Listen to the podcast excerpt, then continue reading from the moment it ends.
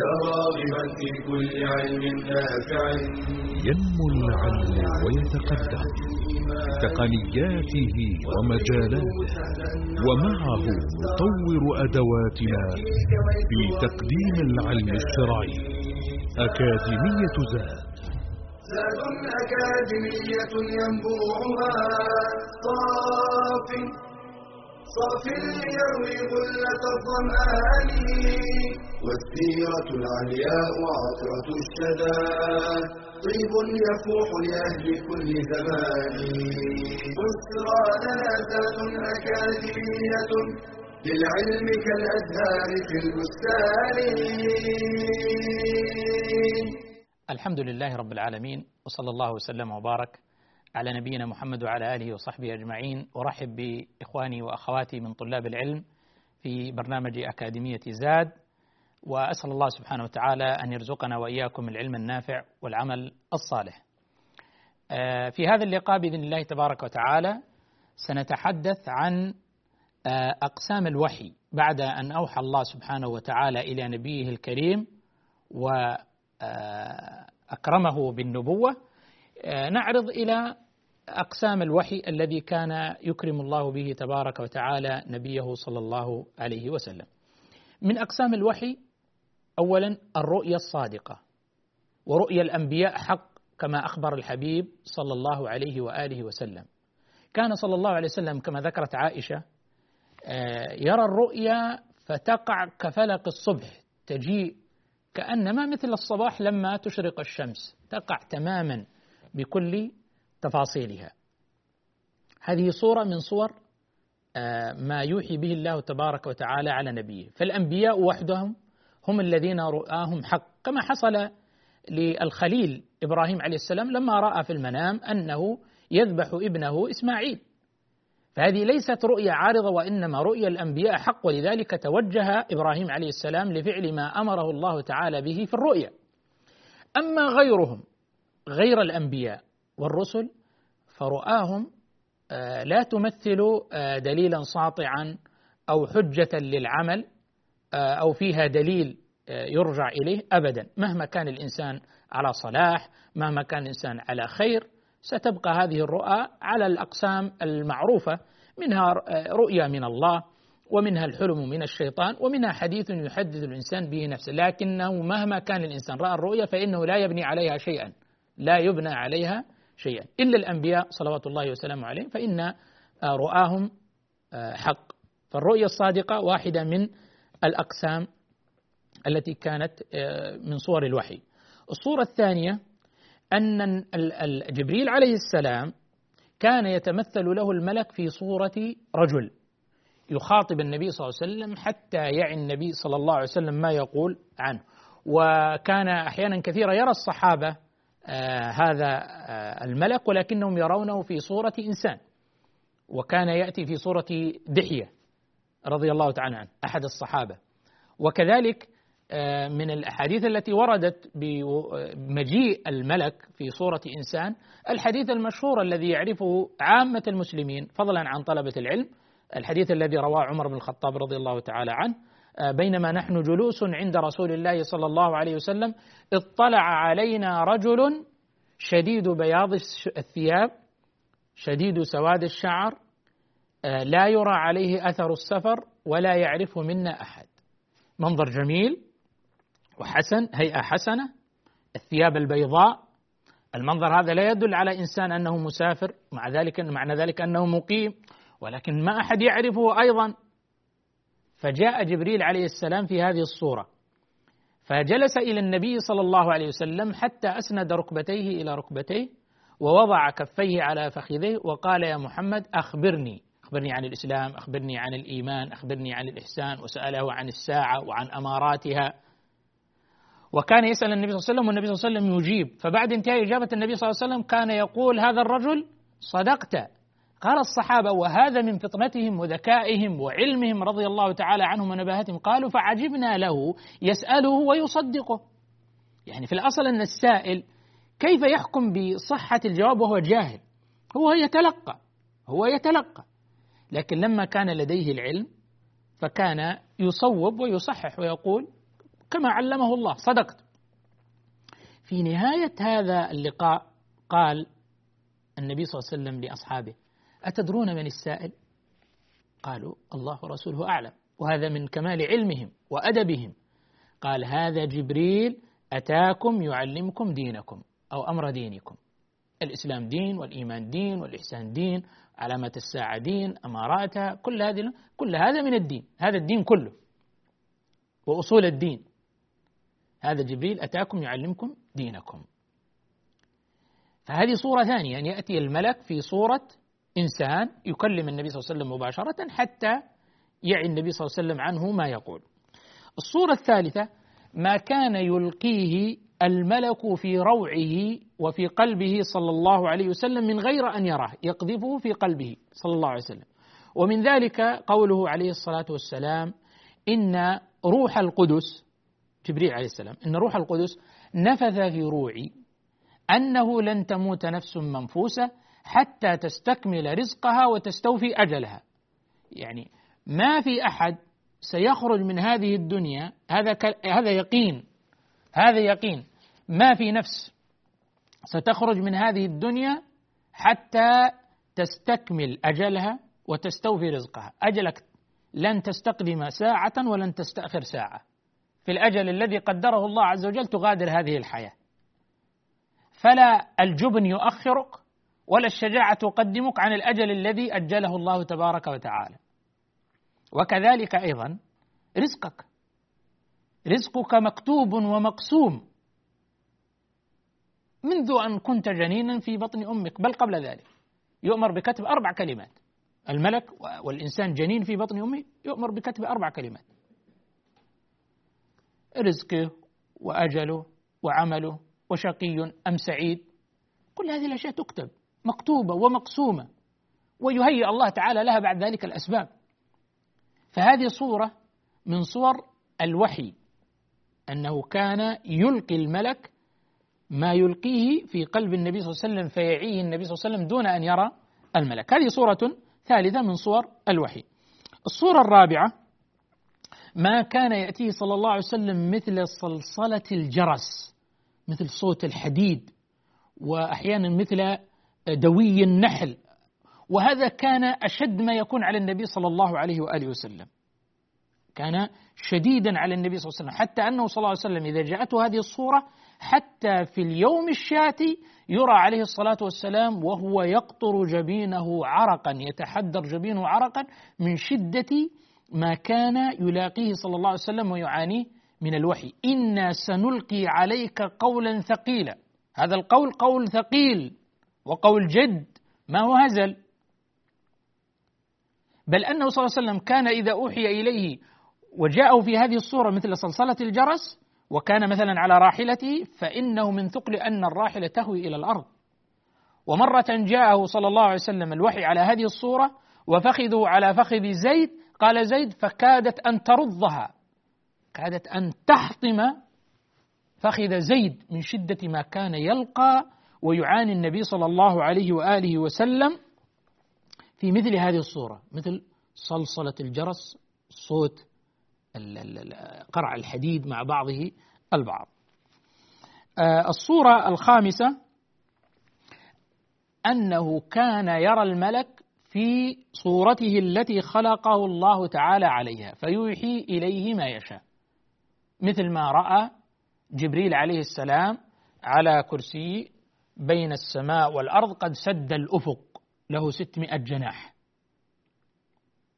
وقال له وأوحى إليه يا أيها المدثر قم فأنذر وربك فكبر أو يا محمد يا رسول الله أو اقرأ باسم ربك الذي خلق.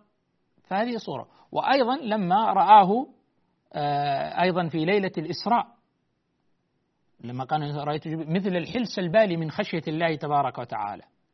ورآه على صورته له ستمائة جناح يسد الأفق. فهذه من الصور أيضا من صور الوحي التي كانت. كذلك ما أوحاه الله تبارك وتعالى إليه فهو فوق سبع سماوات ليلة المعراج. مثل الصلاة. لما أوحى الله تعالى وكلمه ربه سبحانه وتعالى. فهذه من صور الوحي التي أكرم الله تعالى بها نبيه صلى الله عليه وسلم فلم يكن له صورة واحدة وإنما في عدة صور لحكمة يريدها الله تبارك وتعالى. ولو كان صلى الله عليه وسلم مدعيا لهذا الوحي وحاشاه صلى الله عليه وآله وسلم آه، فهو لا يقرأ ولا يكتب وما كنت تتلو من قبله من كتاب ولا تخطه بيمينك. اذا لارتاب المبطلون فهو لا يكتب. وهذه الحجة مدحوظة من زمان من قبل كذب المستشرقين وغيرهم. وكذلك ما كان على هذه الصورة التي تكون فيها ثقل وتعب وشدة على النبي صلى الله عليه وسلم. وكذلك أيضا كان يحتاج آه، إلى نزول الوحي لإثبات موقفه صلى الله عليه وسلم. ومع ذلك ما كان آه، وفق ما يريده النبي صلى الله عليه وسلم وإنما في الوقت الذي يريده الله كما في حادثة الإفك. لو كان مدعيا صلى الله عليه وسلم لا لقال قال الله تعالى مباشرة وإنما بقي شهرا كاملا ينتظر الوحي. العتاب القرآني الذي هو مثبت في كتاب الله مثبت في كتاب الله لنبيه صلى الله عليه وسلم في مواقف كثيرة. وتظهر حتى خلاجات ما كان يدور في قلب النبي صلى الله عليه وسلم. ولو كان صلى الله عليه وسلم مدعيا لما ذكر هذه الأشياء عن نفسه آه، في في هذا الوحي فصلى الله وسلم وبارك عليه وعلى آله وأصحابه أجمعين بشرى أكاديمية للعلم كالأزهار في البستان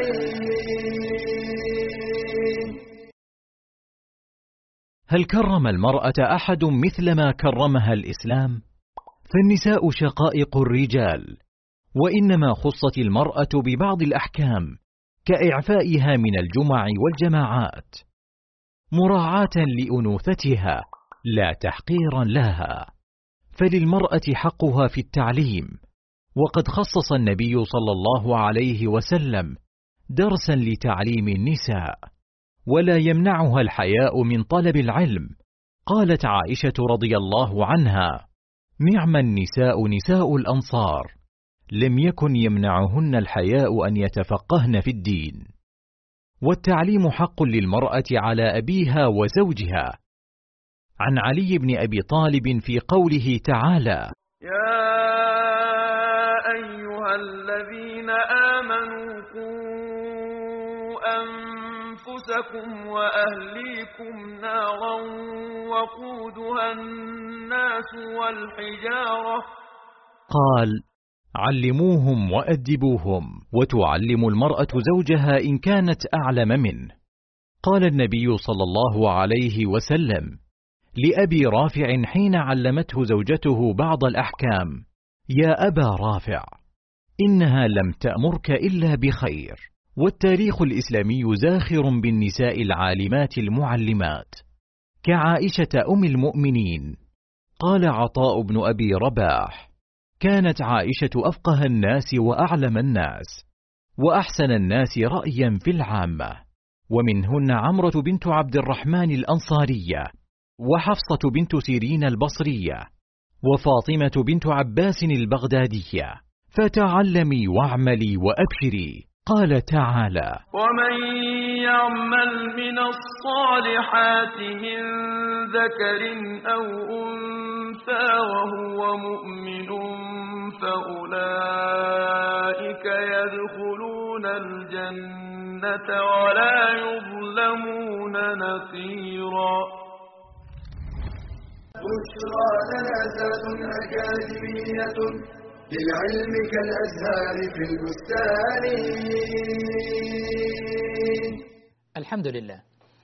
آه، تحدثنا قبل الفاصل عن آه، شبهة اعتراض المشركين وغيرهم من أتباع الشياطين وكذلك المستشرقين الذين يبحثون عن كل ما يمكن أن يشككون به في آه، صحة هذا الدين وزعزعة اليقين في قلوب المؤمنين.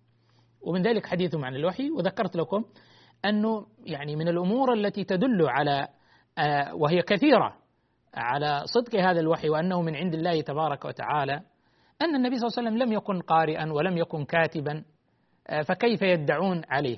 وما كنت تتلو من قبله من كتاب ولا تخطه بيمينك. إذا لارتاب المبطلون لشككوا وقالوا هو أخذها من الكتب السابقة هو قرأ في الكتب السابقة ثم كتب هذا الكتاب من عندي فلا هو يكتب صلى الله عليه وسلم ولا هو يقرأ عليه الصلاة والسلام فكانت هذه الحجة داحضة برد القرآن الكريم على هؤلاء المشككين. وكذلك أيضا الحالة التي كان يعني يتعرض لها النبي صلى الله عليه وسلم من الشدة في نزول الوحي ولو كان من عند نفسه لاختار لنفسه آه، أحسن الصور. الأمر الثالث آه، ما كان يعني من أحداث مرت عن النبي صلى الله عليه وسلم كان يتشوف فيها لنزول الوحي وكان يفطر الوحي للحاجة التي أو في الوقت الذي يريده الله وبالصورة التي يريدها الله ولحكمة أرادها الله عز وجل. كما في حادثة الإفك. لما تكلموا في عرض النبي صلى الله عليه وسلم بقي شهرا كاملا يتطلع إلى نزول نزول آه، آيات تدل على براءة أم المؤمنين عائشة رضي الله عنها وقد كانت بريئة عليها فأنزل الله بعد ذلك قرآن يتلى وبراءتها من السبع من سبع سماوات. هذا دليل واضح وجلي. أيضا العتابات القرآنية للنبي صلى الله عليه وسلم عفى الله عنك لما أذنت له هذا عتاب للنبي صلى الله عليه وسلم. وأيضا عاتبه ربه على أخذ الفداء من الأسرى. ما كان لنبي أن يكون له أسرى حتى يثخن في الأرض. تريدون عرض الدنيا والله يريد الآخرة. لولا كتاب من الله سبق لمسكم فيما أخذتم عذابا. إذا لا هذا عتاب قرآني. ولو كان من عند النبي صلى الله عليه وسلم لما أظهر آه، ذلك للناس ولما أظهر أمام الناس أنه مثلا أن ربه يصوبه أنه وقع فيما في غير الصواب وصوبه ربه سبحانه وتعالى. وفي مواقف كثيرة. عبس وتولى أن جاءه الأعمى. عاتبه ربه عتابا شديدا على موقف حدث منه مع عبد الله بن أم مكتوم. وغيرها من الشواهد والأدلة التي تدل على أن هذا القرآن من عند الله. ولو كان من عند غير الله لوجدوا فيه اختلافا كثيرا. الأثر الذي يجده الإنسان من نفسه سواء كان مسلما أو كافرا بتلاوة هذا القرآن وهذا الوحي. فكل ذلك يدل على أن هذا القرآن وهذا الوحي من عند الله تبارك وتعالى وأن نبينا صلى الله عليه وسلم كان رسولا نبيا قام برسالة الله وبلغ دين الله وبلغ رسالته حق البلاغ. لما أوحي إلى النبي صلى الله عليه وسلم وأمر بالإنذار يا أيها المدثر قم فأنذر وربك فكبر وثيابك فطهر والرز فاهجر ولا تمنن تستكثر ولربك فاصبر نشط صلى الله عليه وسلم في دعوة الناس إلى دين الله عز وجل وقام بأمر الله تبارك وتعالى وكان من الحكمة من حكمته صلى الله عليه وسلم أنه لما رأى من قومه هذا الإقبال على عبادة الأصنام وعبادة غير الله ولم يكن لهم من أحلام يعني إلا يتوجهون لمثل هذه الأصنام التي لا تضر ولا تنفع وأحدهم يجمع كومة من تراب ثم يحلب عليها من الشاة ثم يطوف عليها يبحثون عن أحسن الحجارة ثم يضعونها ويطوفون حولها يتقربون إليها ويدفعون إليه الأموال يستقسمون بالأزلام. وما كانوا عليه من بعض الخصال والأخلاق السيئة التي كانوا عليها من وأد البنات والعصبية القبلية التي كانوا عليها. لما رأى هذا حالهم كان من الحكمة ألا يجابههم صلى الله عليه وسلم مباشرة وإنما بدأ عليه الصلاة والسلام بدعوة أقرب الناس إليه. بدعوة أقرب الناس إليه. وهم أهل بيته. وهذا هو الواجب على كل من يدعو إلى الخير ويدعو إلى الله تبارك وتعالى ويدعو إلى الصلاح والإصلاح أن يبدأ بنفسه أولا أن يبدأ بنفسه. فقد بدأ الله برسوله صلى الله عليه وسلم يعني قم وربك فكبر وثيابك فطهر وجز فاهجر ولا تمنن تستكثر ولرب كل هذه توجيهات للنبي صلى الله عليه وسلم في ذاته هو عليه الصلاة والسلام.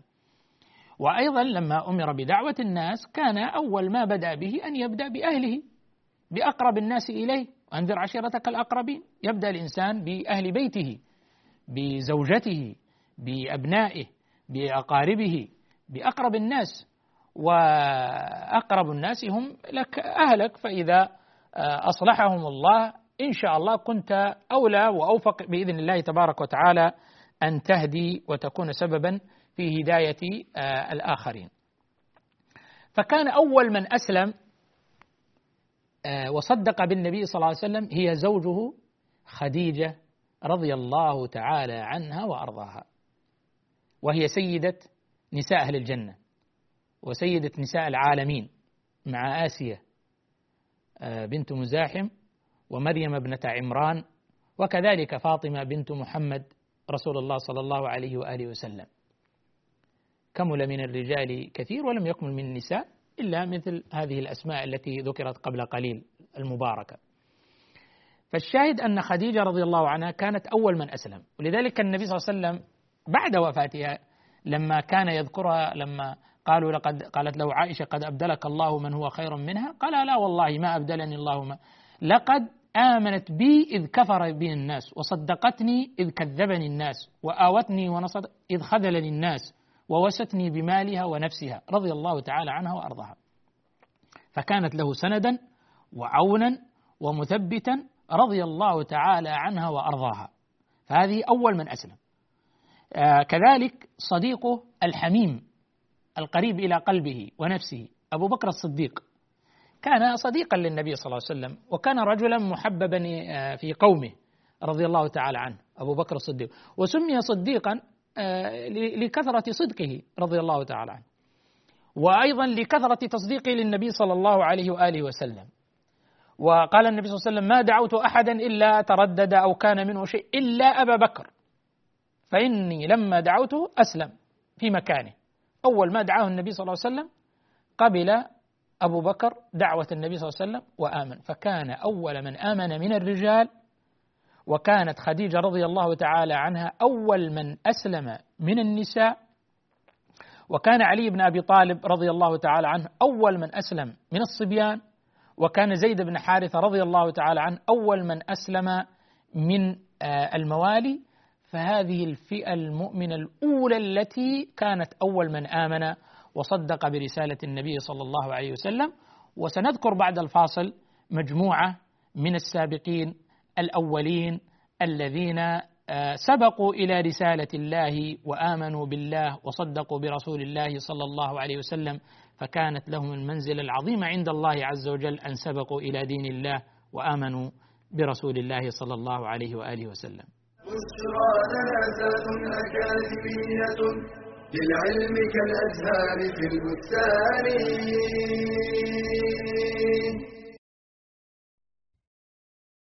عن أي شيء تبحث؟ وفي أي شيء ترغب؟ وماذا تطلب؟ وما هي همتك في هذه الحياة؟ فالمسلم يحب المعالي ويسعى إليها قال صلى الله عليه وسلم. إن الله يحب معالي الأخلاق ويكره سفسافها. واعلم أن طلب العلم لا ينتهي بل هو مستمر إلى آخر العمر. قيل للإمام أحمد وهو يحمل محبرة إلى متى؟ فقال مع المحبرة إلى المقبرة ولا يعوق كبر السن عن طلب العلم إذا توافرت الهمة فلا أن تموت طالبا للعلم. خير من أن تموت قانعا بالجهل. وذو الهمة في الطلب. يهتم بجمع الفوائد وقراءة المطولات. قال أبو عبيد. ربما كنت أستفيد الفائدة من أفواه الرجال. فأضعها في الكتاب. فأبيت ساهرا فرحا بتلك الفائدة. وقال الخطيب البغدادي. قرأت على إسماعيل بن أحمد. صحيح البخاري جميعه في ثلاثة مجالس. ومن المهم المداومة على طلب العلم فالقليل مع المداومة خير من الكثير مع الانقطاع. قال عكرمة طلبت العلم أربعين سنة وقال أبو العباس النحوي ما فقدت إبراهيم الحربي من مجلس لغة من خمسين سنة فاطرح عنك الكسل واحرص على دراسة العلم وإحسان العمل. قال تعالى والذين جاهدوا فينا لنهدينهم سبلنا وإن الله لمع المحسنين.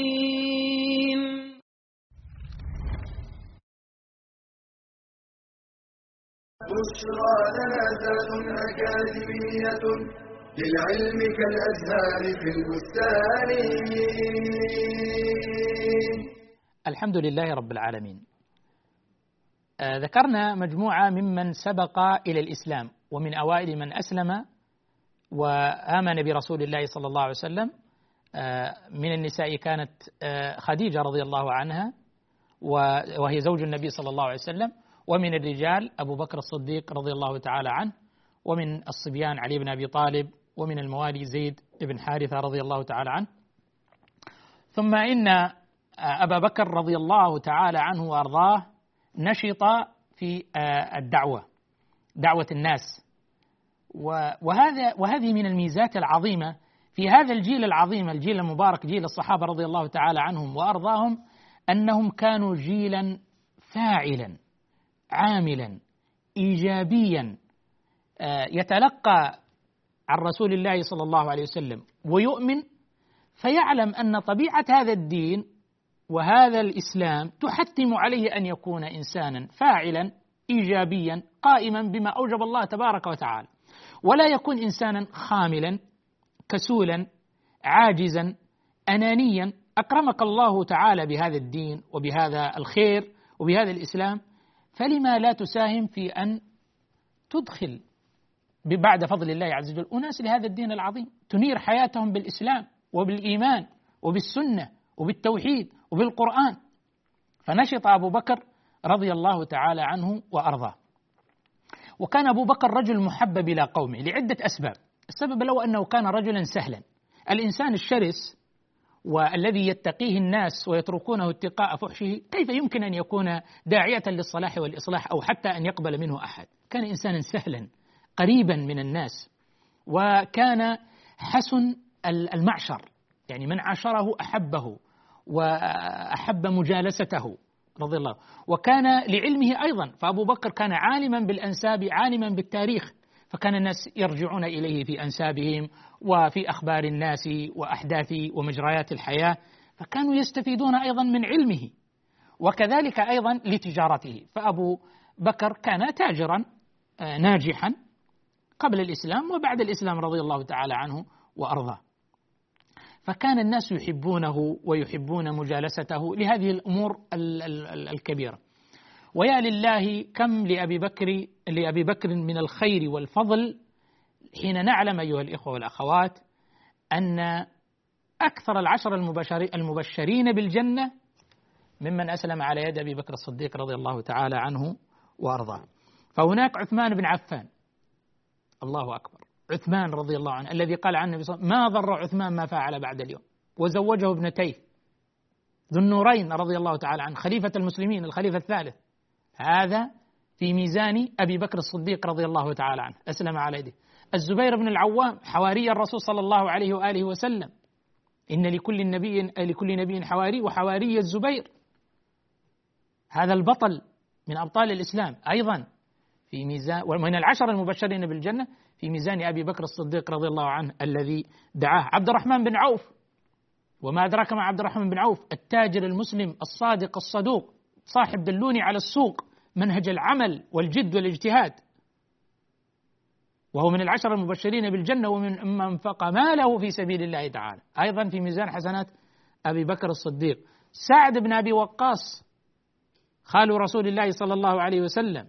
أول من رمى بسهم في الإسلام البطل قائد الفتح الإسلامي في معركة القادسية. هذا البطل أيضا في ميزان حسنات أبي بكر الصديق. آه، طلحة بن عبيد الله وهو من العشر المبشرين بالجنة. انظر إلى هذا الإنجاز العظيم المبارك وهذه المبادرات الإيجابية كل هؤلاء في ميزان حسنات أبي بكر الصديق وكلهم في ميزان حسنات رسول الله صلى الله عليه وآله وسلم. وهل يقعد بعد ذلك إنسان رجل أو امرأة عن هذا الباب من أبواب الخير أن يدعو إلى الإسلام ولو بكلمة طيبة ولو بوسيلة من الوسائل ولو توظيف اللغة وتوظيف التقنية وتوظيف في هداية الناس اليوم البشرية بحاجة ماسة جدا إلى الإسلام.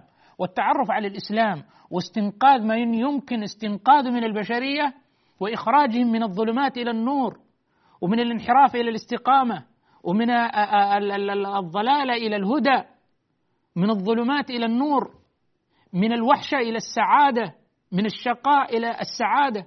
البشرية اليوم تعاني كثيرا جدا في مشارق الأرض ومغاربها هي بحاجة ماسة إلى الإسلام.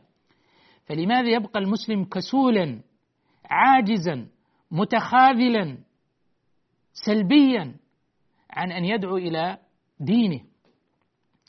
يا أخي النبي صلى الله عليه وسلم قال بلغوا عني ولو آية بلغوا عني ولو آية. لو تأملنا هذا الحديث العظيم كما في البخاري بلغوا عني ولو آية. بلغوا هذا تكليف عني تشريف ولو آية تخفيف. من منا لا يستطيع أن يبلغ آية من كتاب الله تبارك وتعالى أو حديثا من أحاديث رسول الله صلى الله عليه وآله وسلم. تلك المرأة رحمه الله التي توفيت قبل أيام التي كانت مصابة بشلل نتيجة حادث وهي تقوم بتفريغ الأشرطة العلمية والدروس العلمية ثم تخرج هذه الأشياء المفرغة في كتب يتلقاها طلبة العلم بالقبول ويستفيدوا منها. العاجز من أتبع نفسه هواها وتغنى على الله الأماني. المسلم بطبيعته فاعل إيجابي في مجتمعه وأيضا إيجابي تجاه دينه ويعمل بما آتاه الله وفق ما أكرمه الله تعالى به من طاقاته وإمكانه. هناك ناس أكرمهم الله بالمال. فليدعو إلى الإسلام بماله. هناك من أكرمه الله سبحانه وتعالى بالبيان فليدعو إلى الله ببيانه. هناك من أكرمه الله سبحانه وتعالى بجاهه فليدعو إلى الله بجاهه. وهناك وهناك وهناك كل إنسان يمكنه لا يعذر أحد. بلغوا عني ولو آية. فكان الصديق رضي الله تعالى عنه خير مثال للداعية المسلم الصادق الفاعل الإيجابي في مجتمعه.